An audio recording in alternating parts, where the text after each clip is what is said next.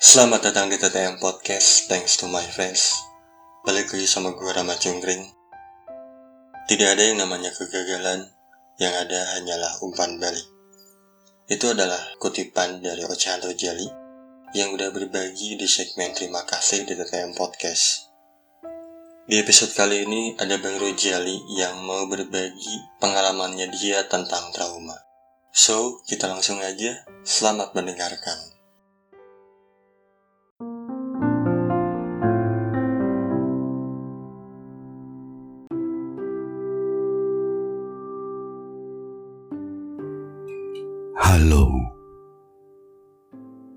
Saat gue membuka handphone gue, gue membaca satu pesan dari seorang sahabat. Pesan itu membuat gue duduk tercekat, bahkan gak bisa menjawab. Pesan itu seolah bertanya, apakah gue udah berdamai dengan diriku sendiri atau berdamai dengan masa lalu yang membuat gue tercekat. Betapa seringnya gue mendengar bagaimana berdamai dengan diri sendiri. Sementara gue gak tahu apa itu maknanya.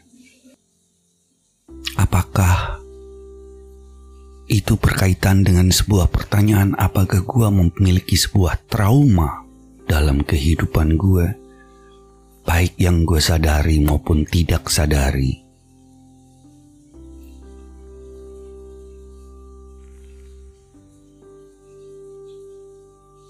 Memang dalam diri gue ada dua masalah yang sebenarnya merepotkan diri gue sendiri, yaitu sering berpikir berlebihan atau overthinking, dan perasaan ketidaknyamanan dan ketidakamanan. Mungkin anak sekarang menyebutnya insecure. Gue gak mudah percaya dan sangat sulit percaya. Selalu seolah ada bisikan bahwa apa yang gue terima adalah sekedar kebohongan. Menjebak gue ke alam utopia, di mana ada dunia penuh dengan kejujuran yang baik. Seringkali gue gagal mendapatkan kesetiaan atau kejujuran. Gue merasa bahwa orang-orang di sekitar gue memiliki tendensinya masing-masing ketika kenal dengan diri gue yang sebenarnya gak punya apa-apa ini. Berkali-kali dalam sebuah hubungan, gue mengalami kegagalan, hampir memiliki pola yang sama. Ketidaksetiaan, perselingkuhan. Yang sangat gue herankan adalah mengapa itu terjadi berkali-kali. Tentu saja tidak pernah ada jawaban di situlah muncul perasaan tidak berdamai dengan diri sendiri atau masa lalu.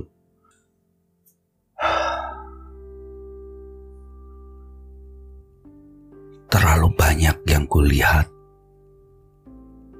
terlalu banyak yang kudengar, dan terlalu banyak yang kurasa. Semua adalah kebohongan.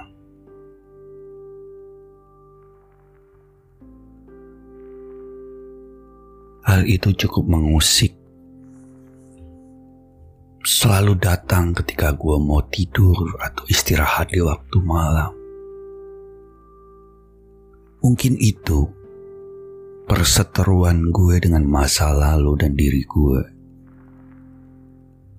Di mana gue mungkin gue belum berdamai atau dengan bahasa yang lebih mudah, trauma gue belum sembuh. Apa sih itu trauma? Menurut gue, trauma adalah sebuah pengalaman yang tidak mengenakkan. Yang sangat membekas dalam hati dan pikiran. Kalau orang bertanya, sudahkah aku berdamai dengan diriku sendiri dan masa lalu.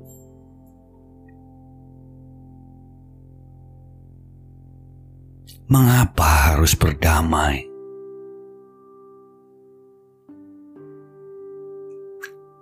Karena trauma itu semacam imprint dalam syaraf-syaraf dan jonjot-jonjot di otak gue. kalaupun harus berdamai dengan sebuah alasan tertentu. Konklusi yang paling sering gue lihat dan gue dengar dan gue baca adalah maafkan dirimu sendiri. Ikhlaskan. Berpikiran positif.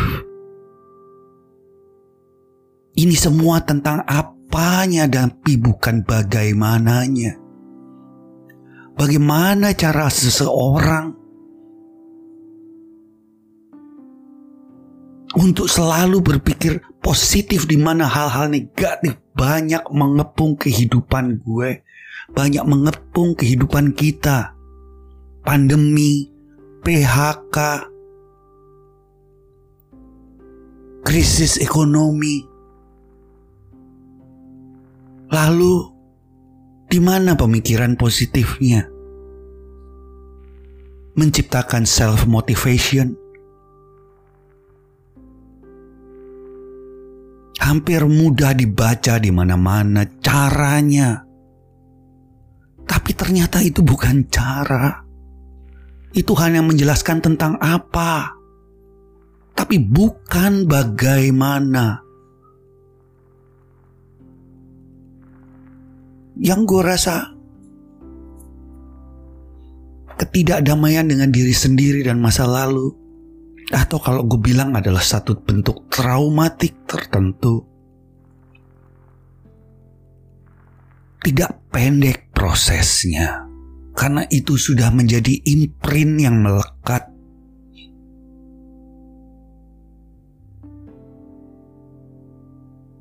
Tapi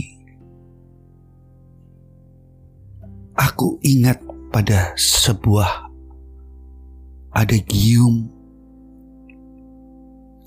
yang setidaknya membantu untuk mengatasi hal itu semua. Adagium itu berkata,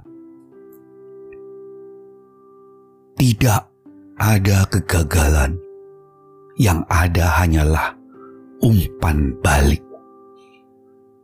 Hanya pada adagium itu gue merasa sedikit lebih ringan. Bahwa ternyata yang terjadi hanyalah umpan balik saja dari apa yang gue lakukan. Gue harus masih memetakan dan meneliti pelan-pelan tepatnya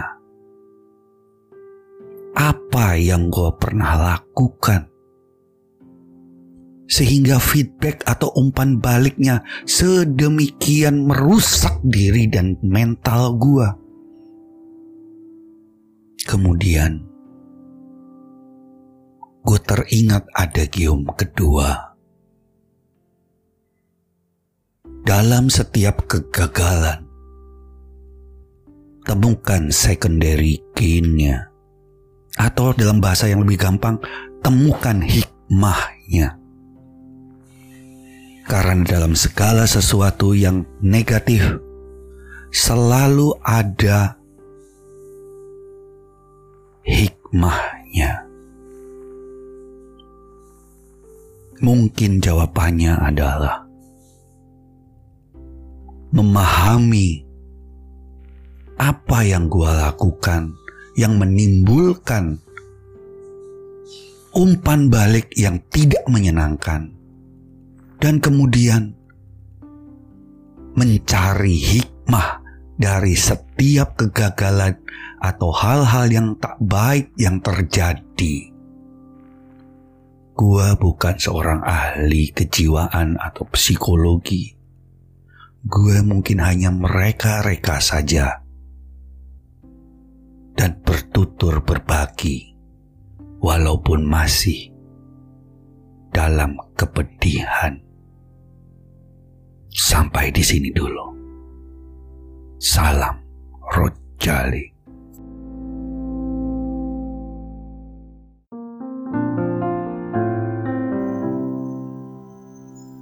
Oke, itu dia cerita dari Bang Rojali.